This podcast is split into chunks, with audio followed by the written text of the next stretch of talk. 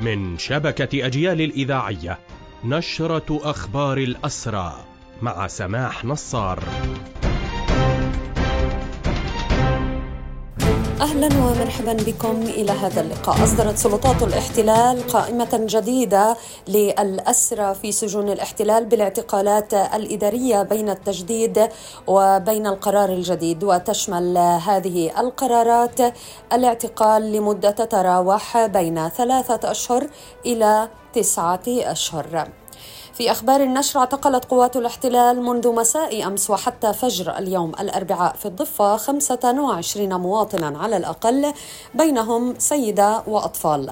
قالت هيئة شؤون الأسرى إن عمليات الاعتقال توزعت على محافظات نابلس رام الله القدس طول كرم بيت لحم الخليل وسلفيت وطوباس وقلقيلية.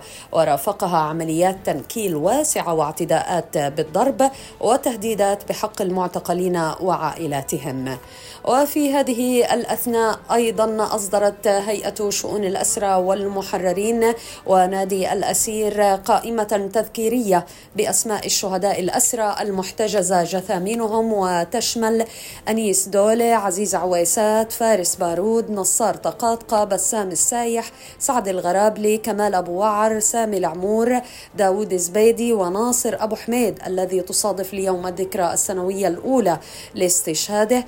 والشهيد خضر عدنان وكذلك عمر دراغمة وعرفات حمدان ماجد سقول إضافة إلى الشهيد عبد الرحمن مرعي وشهيد آخر لم تعرف هويته بعد وهو أحد عمال غزة بحسب ما أعلن عنه الاحتلال. في هذه الأثناء من الجدير التذكير بالكلمات الأخيرة للأسير الشهيد ناصر أبو حميد قبل فترة وجيزة من ارتقائه قبل عام قال فيها أنا ذاهب إلى نهاية الطريق ولكني مطمئن وواثق بأنني أولا فلسطيني وأنا أفتخر. تاركا خلفي شعب عظيم لن ينسى قضيتي وقضية الأسرى. بهذا مستمعينا تنتهي هذه النشرة الخاصة بأخبار الحركة الأسيرة. قدمناها لحضراتكم من راديو أجيال. تحية الحرية لأسرى الحرية وتحياتي سمح نصار والمجد والخلود لشهدائنا الأبرار.